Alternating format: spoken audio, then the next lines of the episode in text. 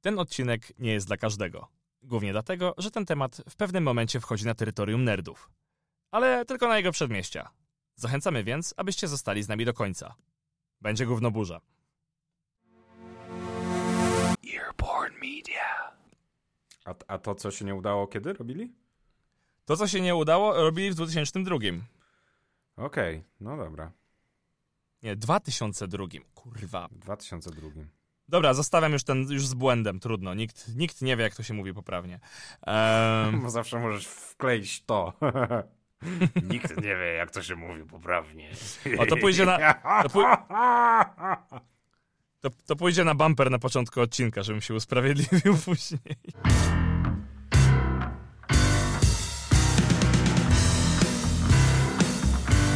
Nazywam się Krzysztof Nowak i to ja zadaję utopcom zagadki. A ja Michał Kasprzyk i... Gdzie jest moje 60 baniek? A to jest do początku. Czyli podcast o tym, jak różne rzeczy się zaczęły. W tym odcinku opowiem wam o Wiedźminie, a Michał będzie słuchaczem. Tak jak wy.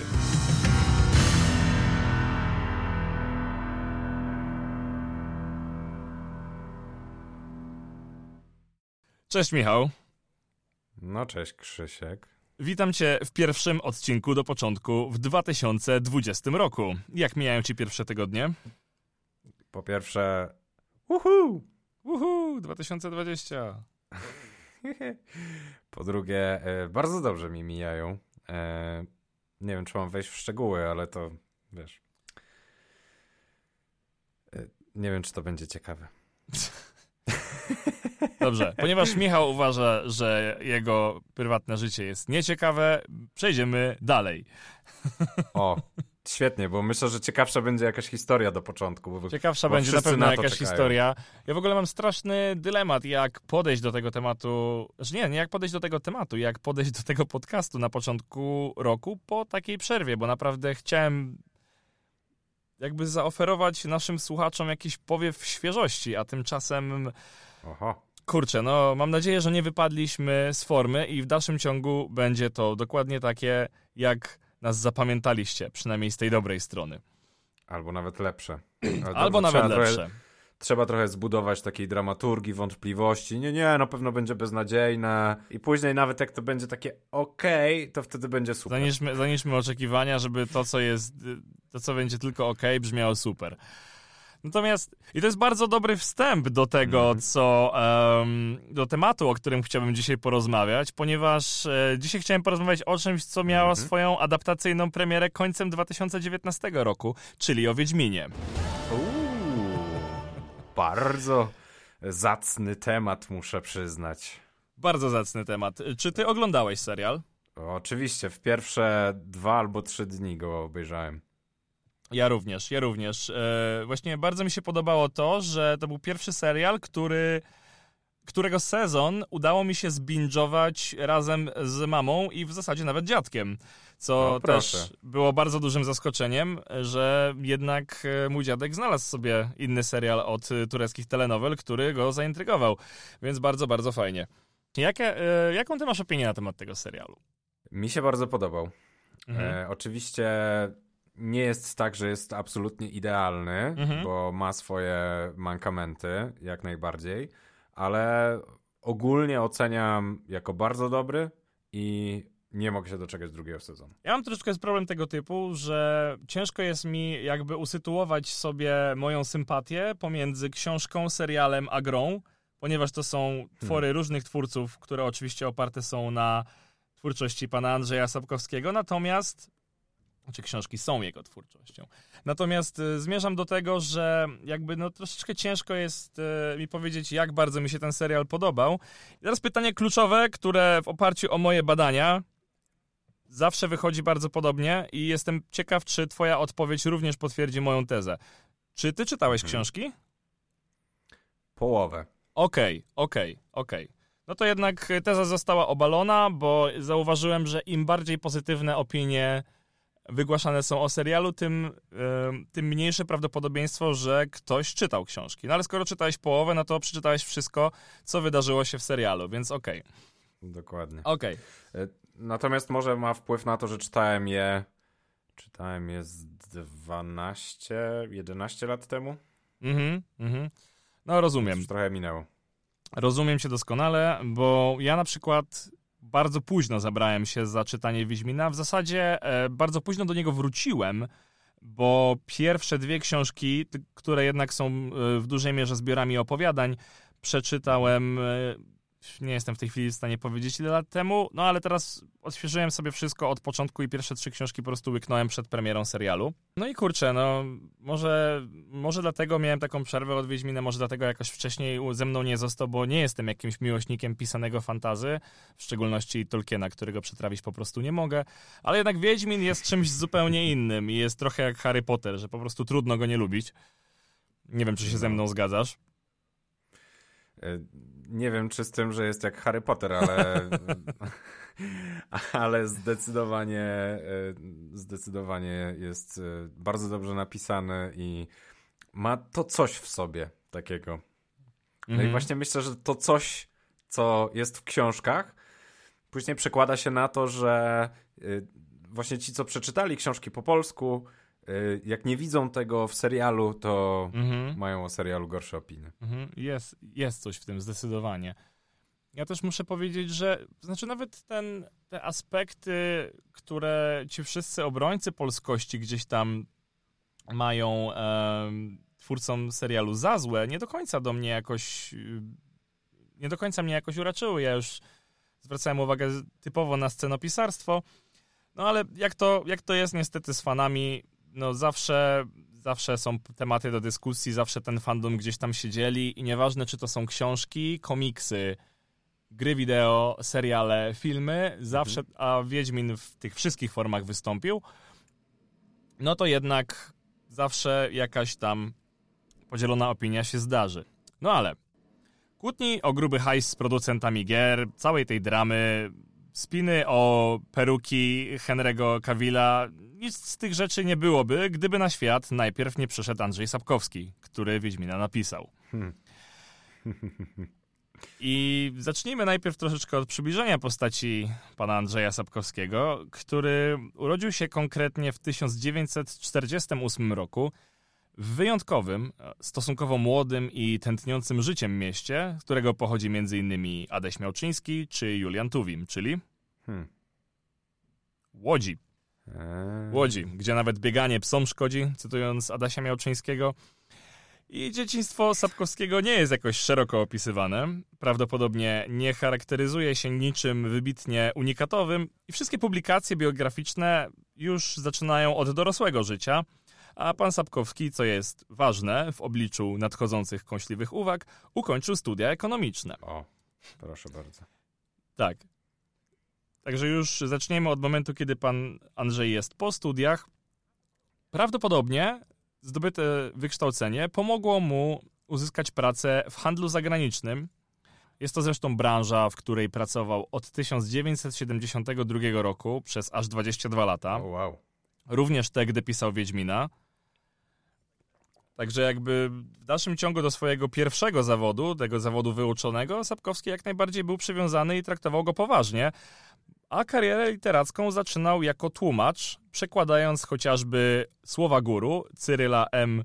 Kornbluta w magazynie Fantastyka A z jakiego języka? z angielskiego. Okej. Pisał jednak od młodych lat i jego twórczość dojrzewała, aż w połowie lat 80. jego opowiadanie, zatytułowane właśnie Wiedźmin, znalazło się w wyżej wymienionym magazynie Fantastyka. Mhm. I reszta historii już jest mniej więcej znana. Więcej w historię samego Sapkowskiego nie będę się zagłębiał. Co prawda, wydana została niedawno książka Rozmowa z samym autorem, która być może jest bardzo ciekawa. Natomiast gdybym miał przeczytać każdą książkę biogra- biograficzną do każdego odcinka, no to naprawdę ukazywały. To naprawdę, odcinki ukazywałyby się raz na kwartał. I to wyłącznie dlatego, że ty też przygotowywałbyś swoje. Stra strasznie wolno czytasz.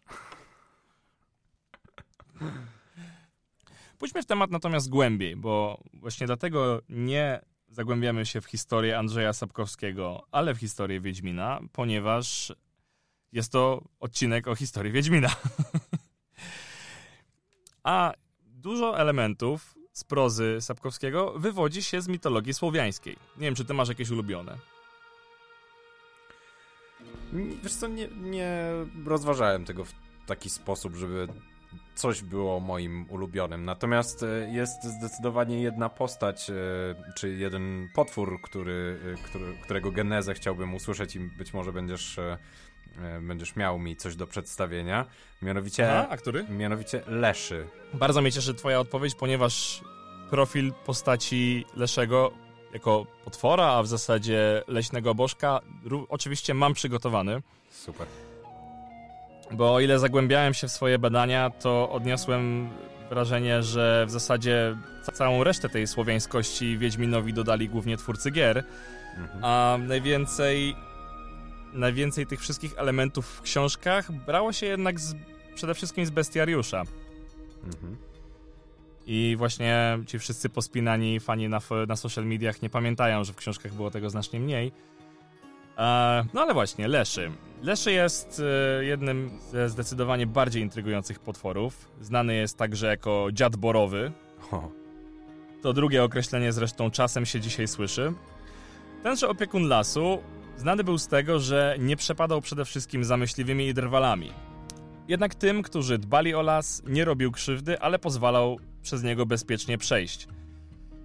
Według niektórych wierzeń wyglądał jak stary mężczyzna z długą brodą, odziany w runo leśne, a według innych faktycznie przypominał potwora, którego można kojarzyć już w książkach Sapkowskiego i prawdopodobnie ta druga wersja powstała dopiero później, gdzie elementami jego wyglądu były na przykład czaszki zwierząt i tak zresztą zapamiętali go fani serii. Wiesz co, powiem ci, że e, na potrzeby serialu fantasy, czy gry, czy książki fantasy, e, to przedstawienie, które zastosował Sapkowski i później twórcy gry, mam nadzieję, że w serialu Leszy też prędzej czy później się pojawi, myślę, że to jest nawet pewne. Myślę, że ono jest lepsze na, na te potrzeby, ale wydaje mi się, że jakby Mhm. stworzyć film w formie horroru, gdzie to ten, e, ta forma tego dziadka z długą brodą by była, to myślę, że to by było straszniejsze. W sensie, bo Mhm. bar bardziej realna postać by, by to była, która mogłaby wpływać trochę bardziej na wyobraźnię. No właśnie, to wszystko jest rzeczą kreacji jednak, nie? To też bardzo wiele ma znaczenie, jak specjaliści od efektów specjalnych, e, dźwiękowcy, no i oczywiście aktor, zakładając, że w tym drugim przypadku będzie więcej możliwości na wykazanie się aktorsko, rozegra tę rolę. Aczkolwiek zauważyłem też, że Leszy jest wzorem, który bardzo upodobali sobie też niektórzy tatuażyści. E, zwłaszcza ci, którzy lubią klimaty związane na przykład z Blair Witch Project, e, czy właśnie bardzo hor- bardziej horrorowo-leśnymi miejscami. Nie bez powodu bardzo wpis- często wpisuje się w ich autorskie portfolio. Mhm. No właśnie. I jak już jesteśmy przy różnych bestiach, e, czy po, postaciach zwierzeń, no to są, no to jeszcze bardzo często w Wiedźminie przewi- przewijały się oczywiście utopce. Mhm. One też są bardzo znanym straszydłem. Zwane były też topnikami lub, jeśli jesteś ze Śląska, wasermanami Huhu. i rodziły się podobno wzdłuż topielców. Utopce zamieszkiwały wszelkie zbiorniki wodne, nie tylko topiąc zażywających kąpieli, ale też odpowiadając za przykład wylewy rzek, za zatapianie pól czy łąk i przybierały postać wysokich, chudych, oślizgłych ludzi, a na brzeg wychodziły podobno w czasie nowiu. Niektórzy twierdzą, że zwabiały do siebie ludzi i zadawały im zagadki. Pewnie domyślasz się, jaka była kara za złą odpowiedź. No, ale w ogóle dziwny koncept. W ogóle dziwny koncept. Nie wiem dlaczego zagadki, szczerze mówiąc, bo jakby rozumiem, dlaczego utopcami straszyli dzieci, żeby nie, nie bawiły się blisko wody, ale nie No. wiem skąd pomysł na zagadkę. No właśnie dziwne trochę. I co, jak ktoś dobrze odpowiedział, to ten y, utopiec wtedy tak, a kurczę, udało mu się. I, A nie- a to- odchodził? Nie wiem, może dawał nagrodę rzeczową w postaci perły. No naprawdę nie wiem, co to jest w ogóle za pomysł. Tysiąc złotych oraz nagrody. Ufundowane przez firmę Wawel. Oczywiście. No. No, nie, nie mam pojęcia, naprawdę. No cóż. Ciężko mi powiedzieć, ale podejrzewam, że po prostu e, w założeniu te zagadki były tak napisane, żeby zawsze odpowiedzieć na nie źle. Nie trzymały się kupy może. Tak, dopóki jakiś kolejny chytry szewczyk czy inna legendarna postać nie postanowiła pokrzyżować im planów. No, dokładnie.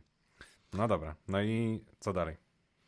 No, już tylko kończąc ten wątek, e, wydaje mi się, że na koniec wypadałoby wspomnieć jeszcze jedną postać ze słowiańskich wierzeń, która ogólnie znalazła swoje miejsce e, niemal wszędzie w popkulturze. A jest nią? E, Okej, nie wiem, chyba. Czekaj, bo mi się...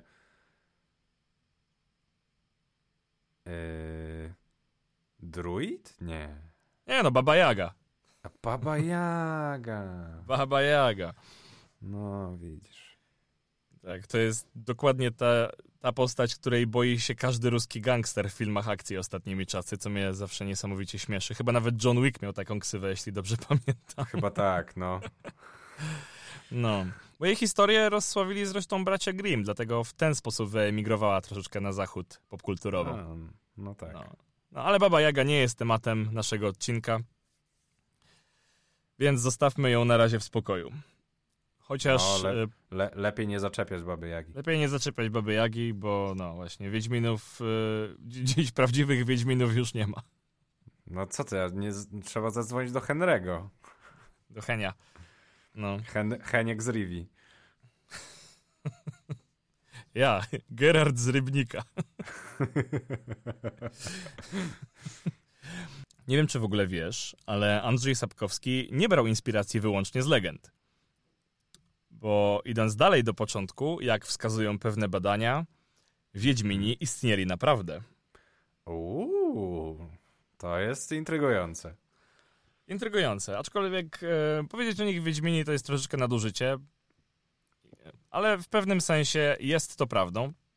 Tak więc, cofając się w historii, e, co prawda może nie słowiańskich wierzeń, ale samych Wiedźminów, to jeszcze w XIX wieku, wyobraź sobie, można Mhm. było w, usłyszeć w Polsce o różnorakich łowcach potworów. Okej. I cytując zresztą ówczesnego folklorystę Oskara Kolberga, żadna wieś nie jest wolna od upiorów. Ale to nawet jest motyw, który w Wiedźminie się przecież e, przewija, że e, ludzie to też potwory. Tak, tak, ludzie to też potwory i, i że ludzie lubią sobie też potwory różne wymyślać. Mhm. To No też tak. jest motyw, który się mocno przewijał. Ale pamiętajmy zresztą, już a propos tego wymyślania potworów, że mimo tego, że XIX wiek nie jest stuleciem aż tak odległym od współczesności, w dalszym ciągu w Polsce, zwłaszcza na wsi, wyłożyło się w mnóstwo zabobonów. No, pewnie. Przypomnę ci tylko, że nasz ulubiony kołtun polski, który do dziś jest w archiwum moich ulubionych anegdot, w dalszym ciągu pojawiał się na polskich wsiach właśnie chyba początkiem XIX wieku, o ile dobrze pamiętam. Cudo. Mhm. Tak, także jest to archiwum naszych ulubionych anegdot i najgorszych koszmarów. Jednocześnie. Przydałby się jakiś wiedźm, wiedźmin na tego kołtuna. Wiedźmin na kołtuna. Dobra. Mamy tytuł odcinka. no.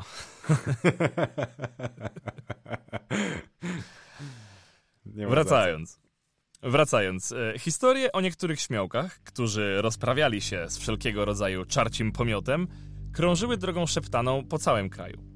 W niejednej wsi opowiadano sobie, jak to ze strzygą poradził sobie Gyrda z Blachnarki, albo jak to stróż z Białej uporał się z powstającymi ze zmarłych.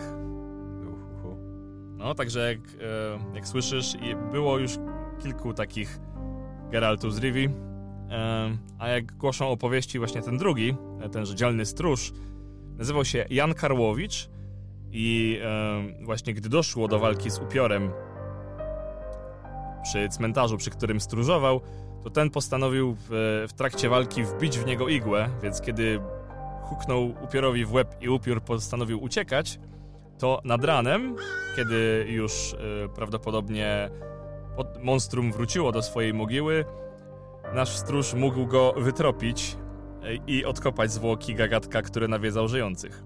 A rozumiem, że igłę z nawiniętą jakąś nitką. Tak, tak, tak, szedł igłę z nitką, przepraszam za nieścisłość. Więc niczym po nici Ariadny Jan Karłowicz e, dostał się owszem, do trupa i wtedy załatwiało się, jak to się załatwiało wtedy sprawy, odwrócił wykopane zwłoki brzuchem do dołu, aby nie mógł wyjść z trumny. Ja myślałem, że odrąbał głowę albo kołek w serce, albo. A, do tego jeszcze dojdziemy. Spalił Do te- zwłoki, a tu on odwrócił po prostu. No przecież to takie proste. No przecież, no w, te, no, w tamtą stronę nie wyjdzie, nie? No ale mógłbyś się przekopać do e, tych e, przysłowiowych Chin wtedy. Nie, no ni niestety na szczęście Chińczycy nie dociekli skąd się, skąd się ten trup wykopał, prawda? E, Tak, ale y, to nie był cały zabieg, bo jeszcze wetknął pod jego język obol, czyli monetę stanowiącą zapłatę dla przewoźnika na tamten świat. a, no dobra. No, no, także jakby To wiesz, urok sensu. został odczyniony. No. Co ciekawe, jedna z wersji tej opowieści, na którą się natknąłem, mówi, że była to moneta trzygroszowa. Mm, Okej. W ten sposób w ogóle zorientowałem się, że wtedy takie były w obiegu, bo nie wiedziałem. no właśnie się zastanawiałem o co tu chodzi. No bo tak bardzo niepraktyczna moneta, tak 3 grosze. No ale okej. To W każdym razie, innym XIII-wiecznym pogromcą potworów, tym razem zawodowym, był owczarz z Czarnstowa. To jest w ogóle tongue twister dla obcokrajowców. Spróbuj to powiedzieć na głos. Jeszcze raz. Owczarz z Czarnstowa. Owczarz z Czarnstowa. Aha, No, łatwe to to nie jest. tak. E, ów owczarz trudnił się podobno oczyszczaniem nawiedzonych domostw. Owczarz z Czarnstowa trudnił się oczyszczaniem. Ja tego nie wymyślam, ja po prostu czytam swoje notatki. E, polski język jest fatalny. Dobrze, że przełożyli Wiedźmina na inne. E, No uważaj, naszego- bo, bo, bo za mówienie czegoś takiego to też cię e, wyklną. no, to prawda. Znaczy wiesz, wydaje mi się, że w tym odcinku nieważne co powiem, zawsze się znajdzie jakiś pospinany dzieciak w internecie, który będzie miał z tym problem, dlatego nie baczę na to. Nie bacz. Nie bacz, to też jest bardzo ważne słowo, ale do niego wrócimy. W każdym razie do naszego owczarza zgłaszali się nawet arystokraci, No, konkretnie z okolic Łomży i Płocka, bo na swoje wiedźmińskie zlecenia zabierał inaczej, bo do swoich wiedźmińskich zleceń przykładał się całkiem dobrze i zawsze efekt został osiągnięty. Podobno miał bardzo dobrą renomę. mhm. Zabierał zawsze ze sobą pusty worek, do którego nikomu nie pozwalał zaglądać. I kiedy zostawał nocą w opętanych domostwach, słychać było z nich straszliwy hałas, krzyki, odgłosy walki, dźwięk przypominający strzały z bata, a ranem, kiedy poturbowany wychodził z domu z pełnym workiem, jego zawartość natychmiast ukradkiem topił w jeziorze. No, ho, ho. No, także tutaj Tajemniczo. jest tajemniczo. No i właśnie, biorąc pod uwagę, że to wszystko oczywiście krążyło sobie po ludowych opowieściach, ciężko powiedzieć, ile z tego było prawdą, aczkolwiek jest to na pewno ciekawa historia. I przyznam, że bardzo mi się podoba, bo obstawiam, że drogą plotki zyskała na coraz większej liczbie szczegółów, a może faktycznie tam się coś ciekawego działo. Kto wie? No, by, być może owczarz z Czarnstowa też przechodził próbę, y, próbę traw. Może tak. Choć jeśli chodzi o próby, to nie wiadomo. Wiem na, natomiast, że w odróżnieniu od wiedźmińskich medalionów, prawdziwi specjaliści od potworów nie mieli znaku cechowego, Mhm. ale istniała pewna grupa, która zajmowała się polowaniem na nękające ludzi zjawy wręcz dziedzicznie. Można powiedzieć, że był to rodzinny interes. O proszę. Powiedz mi, ile wiesz o łemkach? Niewiele. Niewiele, właśnie. Łemkowie są mniej... i istnieją w zasadzie do Oni- tej pory. Łemkowie jak najbardziej istnieją. Są tą mniejszością, o której zawsze się przypomina, kiedy zadaje się statystyczne pytanie o mniejszości w Polsce. A ich kultura jest bardzo ciekawa i bardzo chciałbym ją zgłębić troszeczkę bardziej. I tutaj będę miał okazję troszeczkę więcej o łemkowskich łowcach potworów opowiedzieć, ponieważ właśnie, właśnie pośród nich wykształciła się ta profesja. Mhm. A ci łomcy potwo- potworów, wywodzący się z zamożnego chłopstwa, nazywani byli baczami. Baczami. Tak. Baczowie zamiast orania pól upodobali sobie bardziej szamańską profesję. Robili za wróżbitów i lokalnych znachorów. Jak myślisz, jak skuteczna była ich praca? Ale to jest, to jest niesprawiedliwe pytanie, no bo to jest pytanie o to, y, jak skuteczni są według mnie wróżbici. Więc ja może y, wyminę trochę i powiem, że, że pewnie bardzo. Wtedy pewnie tak. Pewnie bardzo, e, bo jak widzisz, okazuje się, że mieli całkiem nie najgorszą renomę, owszem. Mhm. Em, Wydaje mi się, że w ogóle w przypadku wróżbitów to jest zazwyczaj siła sugestii. Em, No bo w końcu łowca upiorów zdecydowanie łatwiej pozbędzie się problemu, jeśli, no cóż, tak samo jak wierzyłeś w istnienie upiora, uwierzysz, że został przegnany. No właśnie. Jakby mogę, może to być dla niektórych. E, ja tu od razu przepraszam wszystkich, którzy mają jakieś bogate kolekcje energetycznych kryształów w domu. E, ja po prostu staram się do tego podejść naukowo. Mhm. Ja tak samo. No właśnie. A popularność baczy szerzyła się również poza Podkarpacie i przybywali do nich petenci z Tatr i Słowacji. Zresztą na Słowacji też tacy łowcy potworów byli znani. A ja nie mam wątpliwości, że stał za tym jakiś bard, który śpiewał grosza daj baczowi. Natomiast zostawmy piosenki, bo wydaje mi się to być największą spuścizną, jeśli chodzi o ten serial, bo wszyscy dalej je coverują. No. Ja nie mam nic Natomiast bacze... Nie, no spoko, jakby zdecydowanie. Sie... Śląską wersję z przyjemnością puszczę pod koniec odcinka. Baczowie jednak, oprócz bycia wróżbitami, pełnili również stanowisko wioskowych mędrców. Więc w zasadzie ich zadanie w społeczności było takie stuprocentowo szamańskie. I na przykład, gdy ktoś chciał wybudować dom, sugerowali, które miejsce będzie bezpieczne. Najwyraźniej Łemkowie znają się na Feng Shui. Okej. Albo na. E, czekaj, żebym teraz nie. E, na geodezji chyba, tak? Albo na geodezji. No, jednak podobnie jak Feng Shui, źródło mocy baczów, jak przystało na przedsiębiorcze osoby parające się magią, było owiane tajemnicą. No raczej. Żeby zapobiec przykrym wypadkom związanym z podejrzeniami o sztamę z siłami zła, baczowie lubili demonstrować swoją pobożność.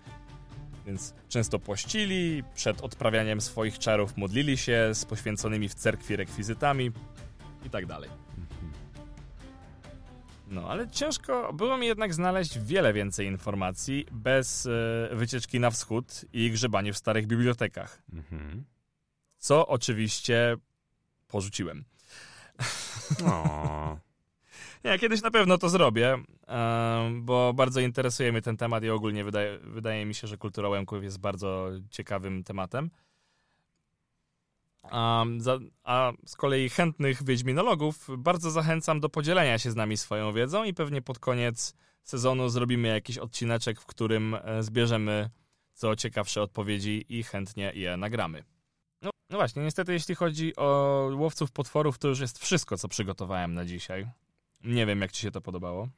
No, bardzo fajnie, zwłaszcza, że dostałem odpowiedź na e, pytanie, skąd wziął się Leszy. Na które chciałem uzyskać. No to, to cieszę się, że zaspokoiłem twoją ciekawość. Ja przede wszystkim jestem przeszczęśliwy, że udało mi się dociec, że nie tylko bestie były zainspirowane prawdziwymi wierzeniami, Mhm. hmm, a w zasadzie po prostu wierzeniami, ale też e, zawód łowców potworów, co zdecydowanie jest e, ciekawą częścią historii zarówno Polski, jak i świata, bo podejrzewam, że tego typu profesje miały miejsce w różnych kulturach, w różnych miejscach na świecie. Mhm. No. Ale do różnych miejsc na świecie wybierzemy się jeszcze po przerwie, a tymczasem zapraszam Was na. Na co? na przerwę. Do zobaczenia za chwilę.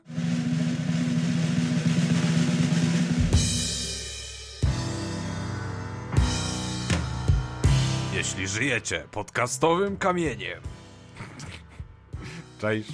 Podcastowym. Boże, sosnowy. Jakie to jest suche. No. W każdym razie. Jest taki podcast, o którym już prawie wszyscy słyszeli i dlatego chcielibyśmy go polecić. Produkcja absolutnie fenomenalna pod kątem jakości i jakiej ciekawej historii. Śledztwo pisma. Jest to prawdziwa historia małżeństwa, które... Nie, stary. Nie próbuj nawet tego tłumaczyć. No, masz rację. Historia jest tak zawiła, że nie sposób to opisać, ale jest niezwykle intrygująca. To jeden z podcastów, który przesłuchacie w całości, jak tylko go włączycie. Do posłuchania na Spotify, Apple Podcasts, w aplikacji Talk FM i w innych apkach.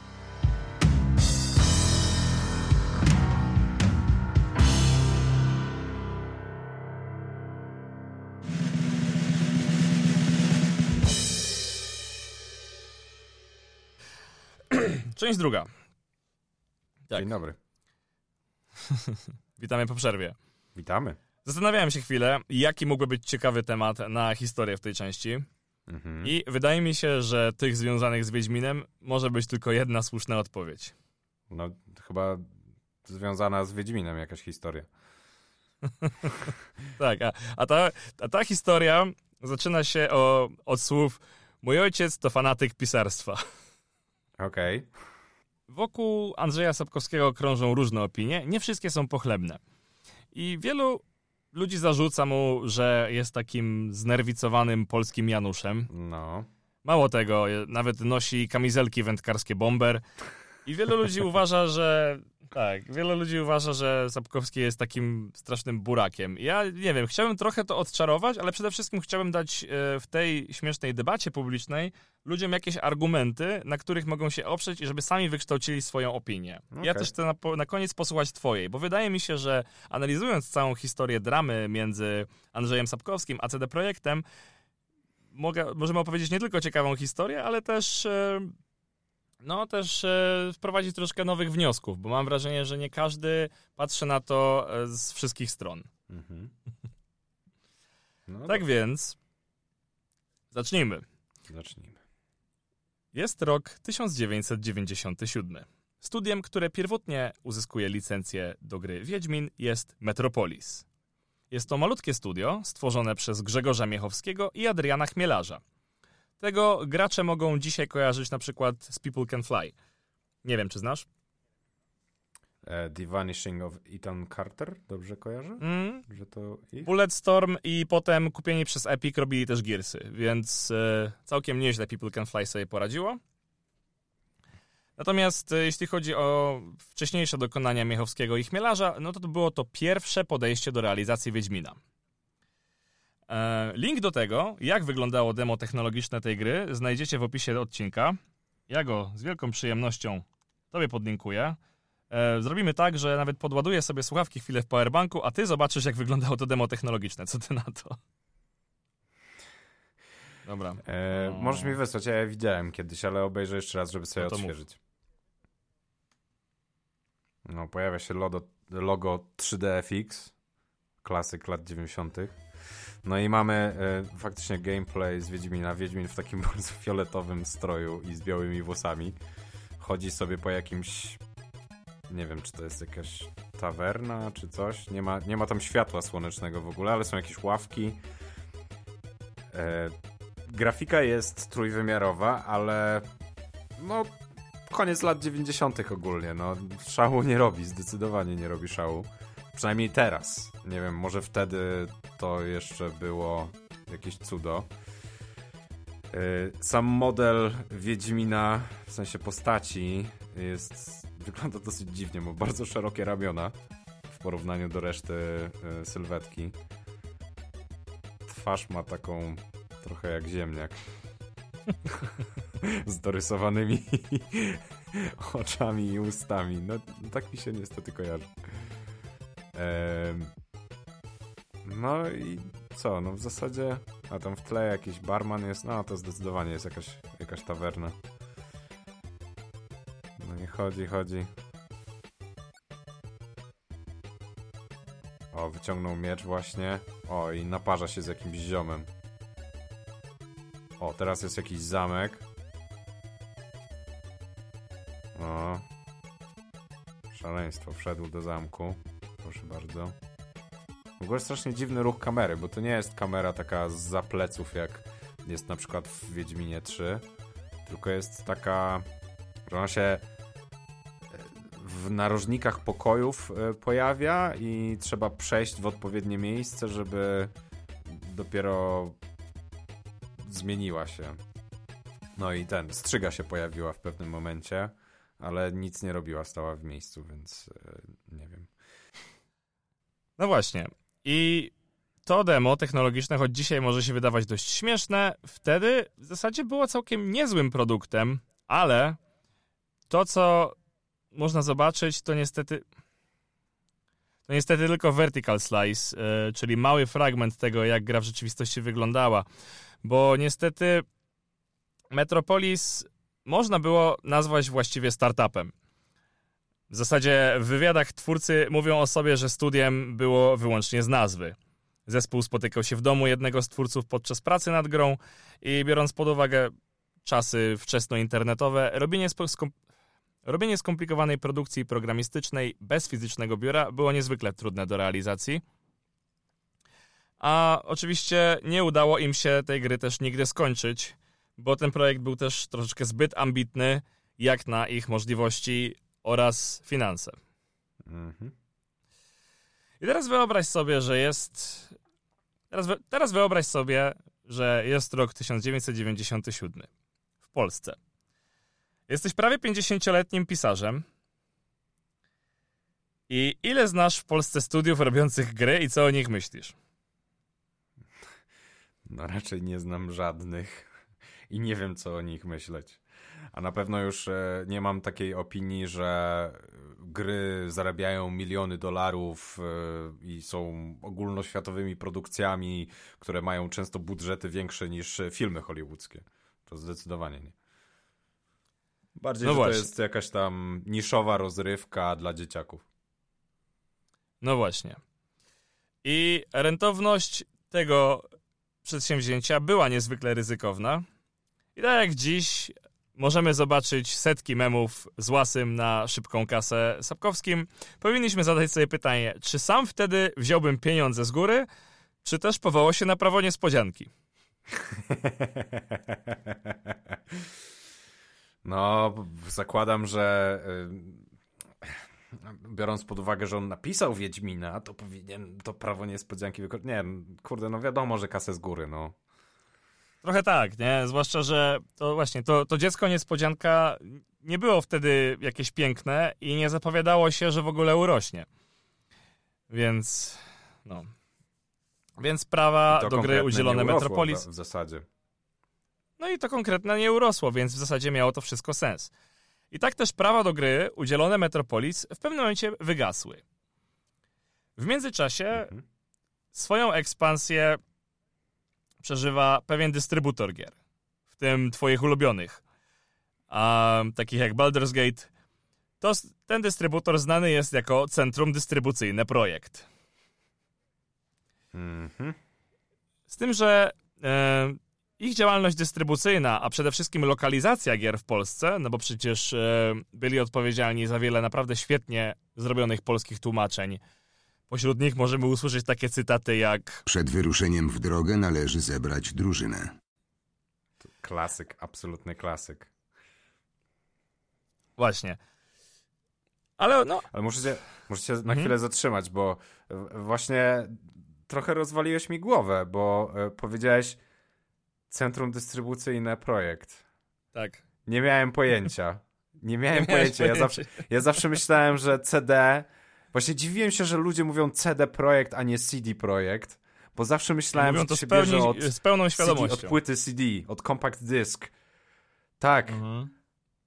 A tu się okazuje, że to jest centrum dystrybucyjne. No dobra, no to teraz ma to sens, dlaczego wszyscy mówią CD. No ja też zacząłem w pewnym momencie mówić CD, jak już tak upominali, upominali, ale nigdy nie, nigdy nie sprawdziłem, że to może znaczyć coś innego, więc dziękuję.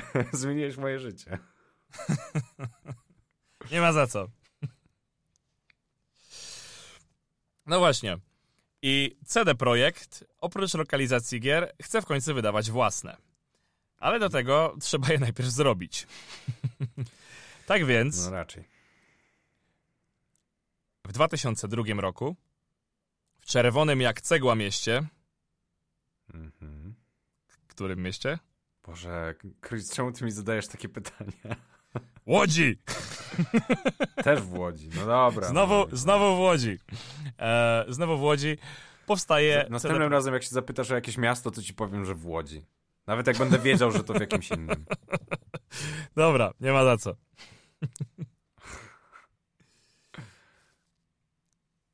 No i powstało. No i powstaje CD Projekt Red. E, Pierwszy plan na grę wyglądał jak hack and slash w rzucie izometrycznym.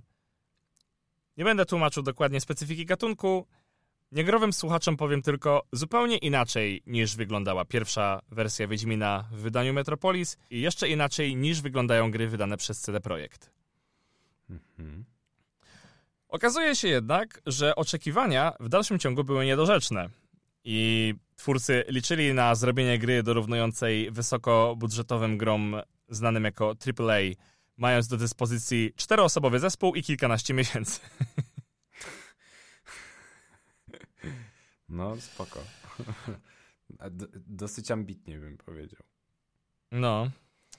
I co ważne, działo się to wszystko w czasie, gdy rany fanów po Wiedźminie z Żebrowskim były jeszcze świeżutkie, bo to był 20, 2002 rok, nie? O, faktycznie, przecież w ogóle nie wspomnieliśmy o tej cudownej adaptacji. No. Smoku, jesteś piękny. Pamiętamy. Pamiętamy cię, Smoku. Pamiętamy. No. I tamta wersja Wiedźmina, tak samo jak film, się nie udała. Pierwsza odsłona gry, z tą różnicą, że gra nie została wydana. A, okej. Pierwsza o- No dobra, no. nie została wydana, oczywiście. E, bo pierwsza odsłona gry, jaką faktycznie znamy, ukazała się dopiero w 2007 roku. I faktycznie pierwszy Wiedźmin wyszedł całkiem nie najgorzej, chociaż no nie można mówić o jakimś podboju światowych rynków. Wystarczyło jednak, żeby zwróciły się koszty produkcji i że był budżet na część drugą, do której studio zabrało się niemal natychmiast po premierze pierwszej części. I cudownie. Ja jedynkę przeszedłem, No później dwójkę też przeszedłem. Później trójkę Mówiłeś mi, że nie przeszedłeś dwójki. Jak nie? Przeszedłem dwójkę. Druga część gry ukazała się w 2011 roku. I tu już możemy mówić o kasowym sukcesie i tym, że Zabójcy Królów to bezapelacyjnie po prostu naprawdę dobra gra. No, W międzyczasie- Bardzo, y, słuszne. No. W międzyczasie Andrzej Sapkowski w dalszym ciągu grami się w ogóle nie interesuje. Sam w wywiadach mówi, że miał z nimi tyle do czynienia, co przez tydzień pierwszego szału nad Amigą, która notabene pojawiła się na rynku w okresie, kiedy publikowano jego pierwsze opowiadania. Okej. Więc tak sobie myślałem, że może jest zatem jakiś przewrotny świat równoległy, w którym Sapkowski jest fanem gier wideo, a Wiedźmin nigdy nie stał się hitem. Jakaś e, równoległa rzeczywistość. Tak, no myślę, że to by było bardzo zabawne. tak czy inaczej, twórcy wielokrotnie kontaktowali się z Sapkowskim w sprawie gry. Według CD Projektu nie był on jednak zainteresowany współpracą jako konsultant. Sam twierdził, że no, skonsultować w drobnych sprawach się może, ale w sumie to nie jest jego sprawa i jeśli chodzi o scenariusz, to w ogóle nie zamierza się tym interesować, zwłaszcza, że skoro sprzedał prawa, to nie ma tam nic do gadania, niech oni sobie piszą scenariusz sami. Jest to jakby, jest to jakby zasadne. No, no. Z tym, że upływa czas aż do 2015 roku i wtedy bank zostaje rozbity. I to tak rozbity, że krupier musi oddawać nawet drobne na autobus do domu, bo okazuje się gra, która zmienia w branży wszystko. Oj, tak. Czyli mówimy o grze Wiedźmin 3 Dziki Gon. Cudo. Moja ulubiona gra ever. Razem z dodatkami to już w ogóle mistrzostwo. To prawda. E, zdobywca tak wielu nagród, że w zasadzie ciężko jest podliczyć i a na pewno ciężko jest je wymienić w jakimś e, innym formacie niż pisany. E, wirtualne media wyliczyły, że w samym roku premiery firma miała 798 milionów złotych przychodu, co w ich przypadku oznaczało około 300 milionów złotych zysku netto. Dzisiaj patrzymy na CD Projekt jak na miliar- jako na miliardową spółkę, która świetnie prezentuje się na giełdzie papierów wartościowych. No właśnie, bo e, CD Projekt jest chyba więcej warte niż e, nawet jakieś. e, Co to było?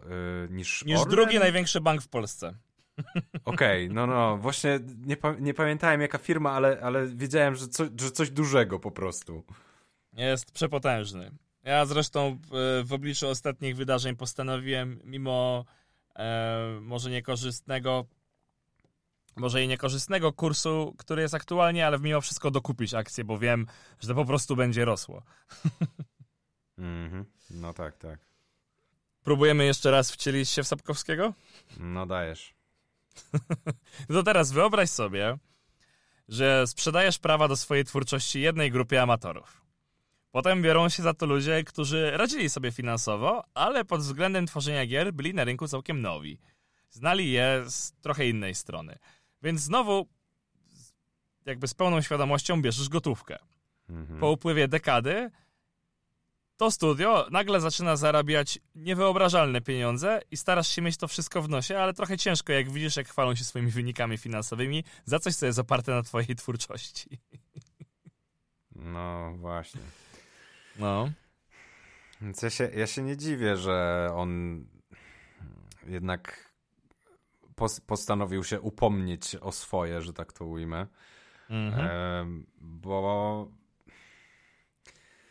no, też kupa lat minęła od, od tej pierwszej umowy z CD Projektem, więc e, też zupełnie zmieniły się realia i e,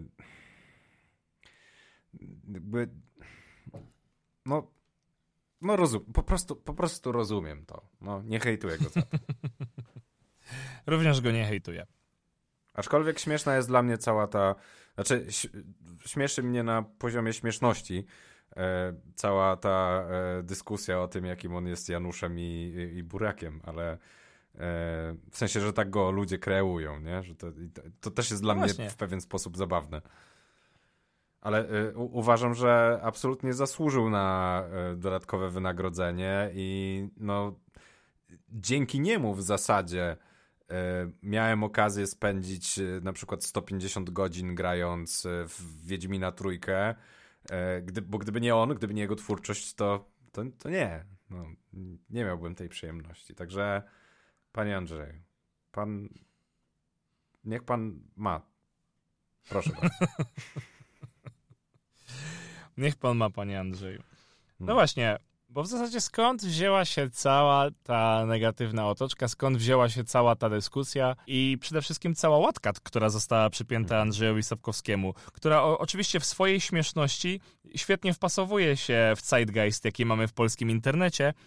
Natomiast znalazłem ten fragment, od którego chyba wszystko się zaczęło. Pomówmy o grze. Zacząłem się szerzyć, nie wiem kto je lansował, podejrzewam CD Projekt, że gdyby nie gra, to ja bym nie zobaczył w życiu przekładu w zachodniej Europie. Gówno, prawda. Wszystkie moje przekłady były dużo wcześniej niż gra. Wszystkie. I to gra wykorzystała moją popularność, a nie ja wykorzystałem popularność gry. Taka jest prawda. Druga sprawa. Gra narobiła mi mnóstwo smrodu i gówna przez to, że zaczęli mi zagraniczni wydawcy używać grafiki z gry na okładki. No i ludzie odrzucali książkę, mówiąc, że to, to nie jest nowe, to jest game related, no nie? Typu, typu książka napisana do gry. Czego w fantasy zwłaszcza mamy mnóstwo tak zwanych game related, albo comics related, czy tam wszystko jedno, ale nie oryginalne. I fani w Europie zaczęli książkę odrzucać. Ja musiałem to toczyć tęgą wojnę, żeby udowadniać, kto był pierwszy, prawda? Mnóstwo gówna, no. Smrodu i gówna. no. No właśnie, swoją drogą bardzo dziękuję użytkownikowi YouTube'a o pseudonimie Ufolec za udostępnienie tego nagrania. bardzo, Bardzo doceniam, że mogę je zobaczyć. No i właśnie, jakie jest twoje zdanie? Książka zyskuje czy traci w ten sposób? Zależy, bo jeżeli byłbym fanem gry, to zdecydowanie sięgnąłbym po książkę, ale z drugiej strony, jeżeli byłbym po prostu miłośnikiem literatury fantasy, to prawdopodobnie bym po tę książkę nie sięgnął. Bo Mhm. wolałbym coś, co jest e, oryginalnie napisane. Więc jestem w Mhm. stanie zrozumieć jego argumentację w tej kwestii. Hmm. No właśnie, no bo wiesz, z jednej strony, no widzisz, z jednej strony ja sam szerokim łukiem omijam książki oparte na grze. Odkąd w wieku 14 lat przeczytałem pewną pokrakę opartą na wrotach Baldura, jestem niesamowicie sceptyczny, jeśli chodzi o tego typu twory. Em, no ale z drugiej strony, czy Sapkowski ma rację? No cóż, e, tej chyba nie zamierzam mu przyznać, bo ponieważ jednak, no dobra, game related czy nie, wydaje mi się, że czytelnik, czy też gracz e, sięgający po książkę ma tyle samoświadomości, żeby zobaczyć, czy jest to oparte na grze, czy nie. Ja sam jestem zdecydowanym przeciwnikiem tego zabiegu, żeby po premierze serialu bądź filmu, bądź w tym przypadku gry, zamieszczać grafiki z tejże, która się po prostu dobrze sprzedała na okładce, bo wydaje mi się, że to wprowadza ogromne zamieszanie. Z jednej strony tak, ale z drugiej strony zakładam, że wydawcy mają to skalkulowane i na fali popularności tego innego utworu e, książka się wtedy lepiej też sprzedaje. Takie mam podejrzenie, ale nie właśnie. mam żadnych badań czy liczb, które są w stanie to potwierdzić. No właśnie, więc Sapkowski, jak, jako ktoś, kto ma wykształcenie ekonomiczne, powinien raczej wiedzieć, że w zasadzie to może działać w obie strony i obie i oba twory napędzają się wzajemnie. Takie jest Mhm. moje zdanie przynajmniej. Tak, tak mi się wydaje też, że się napędzają wzajemnie. Tak. No. Jakby. No. Co ciekawe, kiedy Sapkowski zażądał swoich słynnych 60 milionów, jego prawnicy twierdzili, że umowa, którą zawarł między CD Projekt a autorem, mówiła jedynie o wydaniu pierwszej części gry. Okej. I jak było w rzeczywistości? Eee, no właśnie, bo jeśli, jak, głosi fragment listu przesłanego do CD Projekt przez e, Czekaj. prawników Sapkowskiego. Li- listu pisarza Andrzeja do CD Projektian. Jeśli w ogóle nabyto jakieś prawa autorskie, to co najwyżej do pierwszej z serii gier, więc rozpowszechnianie wszystkich kolejnych, w tym rozszerzeń, dodatków, etc. jest po prostu bezprawne. W dalszej części listu prawnicy kwestionują wiarygodność zawartych w przeszłości umów. Sprawa oczywiście stała się popularna również za granicą, a w internecie stała się nośnym tematem nie tylko dla spoconych długowłosych youtuberów, ale też tych, którzy omawiają na przykład case'y prawnicze. Okej. Więc youtuberzy e, uczący prawa e, jakby też bardzo lubią wykorzystywać to jako przykład i kliknięcia u nich się jak najbardziej zgadzają. O proszę, nawet nie wiedziałem, że faktycznie No. takie coś omawiają. No, no, no. To, to jakby to też e, robiąc research do tego odcinka się o tym dowiedziałem. No ale cóż, e, koniec końców sprawa ulubionej przez wszystkich dramy i tak się skończyła, bo CD Projekt niedawno podpisał z Sapkowskim ugodę. Tak, też słyszałem. Tak też słyszałeś. Ugoda oczywiście jest na zdecydowanie niższą kwotę niż te bajońskie 60 milionów. Oficjalne komunikaty nie mówią jednak zbyt wiele. Ale wygląda na to, że przyszła współpraca z pisarzem będzie możliwa, a CD Projekt standardowo pozostaje ulubionym producentem gier wielu fanów na całym świecie. I obiecuję, że już nie będę o nich więcej mówił, bo też przewinęli się już w innym odcinku. Tamten był z kolei o science fiction.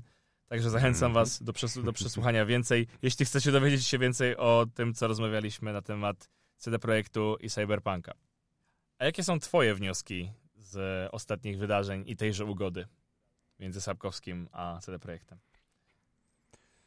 No, ciężko mi to jako, jakkolwiek komentować, bo pod kątem prawnym ja się nie znam. E, Cieszę się bardzo, że doszli do porozumienia i że jest potencjał na to, że kolejne jakieś gry się pojawią. Gry, komiksy, whatever, tak? E, Więc no fajnie, fajnie. No fajnie, fajnie. No cóż, i to wszystko, co ja przygotowałem na dzisiaj. Zacny to był temat. właściwie tutaj, tutaj ta historia się kończy. Jest to zacny temat i można go opowiadać na wiele różnych sposobów i bardziej się w niego zagłębiać. Właśnie miałem też niemały problem z tym tematem, bo kiedy przychodzi co do czego, ja w dalszym ciągu czuję niedosyt i boję się, że w dalszym ciągu go nie wykorzystałem. Dlatego mam nadzieję, drodzy słuchacze, że wy dowiedzieliście się dzisiaj chociaż jednej albo dwóch nowych rzeczy i że chociaż wzrosła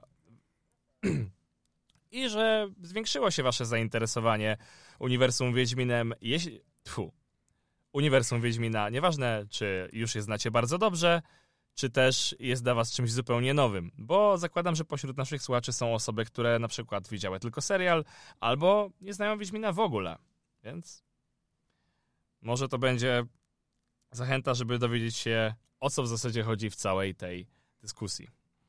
A na koniec w naszej liście przebojów radia do początku, a w zasadzie podcastu, Kotlok Day Hekserowi.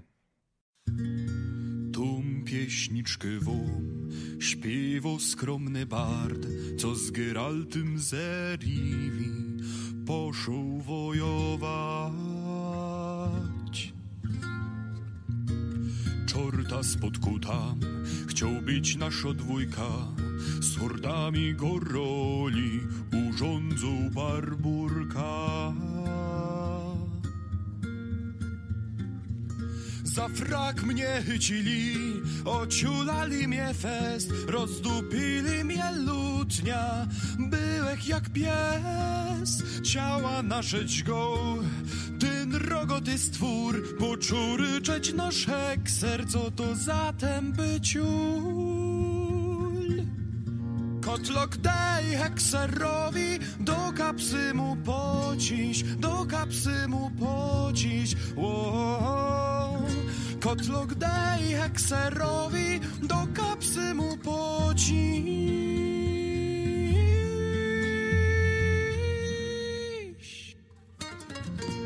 Lecz chycił biały wilk za pieroński róg, co wiela już przed nim na klupą w ten dziób.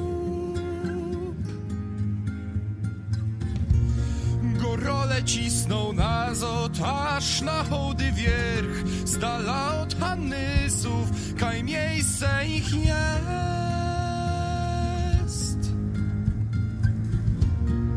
Choć mu wklupali Diabłu trefił szlak. Ten obrońca Hanysów Kolejki jest wort. To pieśniczka mu To wasz bohatyr je. On go rolą w dupi Gorzą nie chleje się.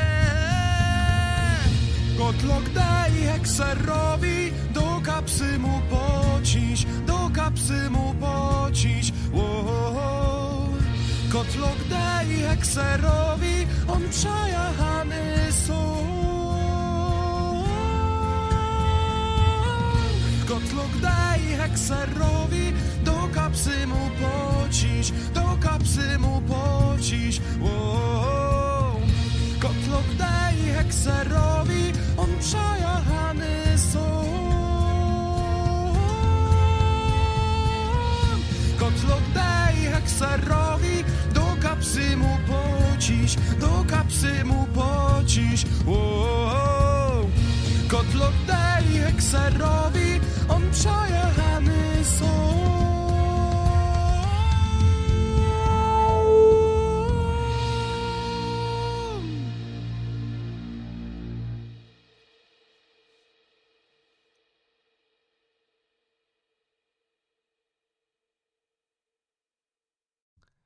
Dziękujemy, że tego odcinka podcastu do początku słuchaliście do końca.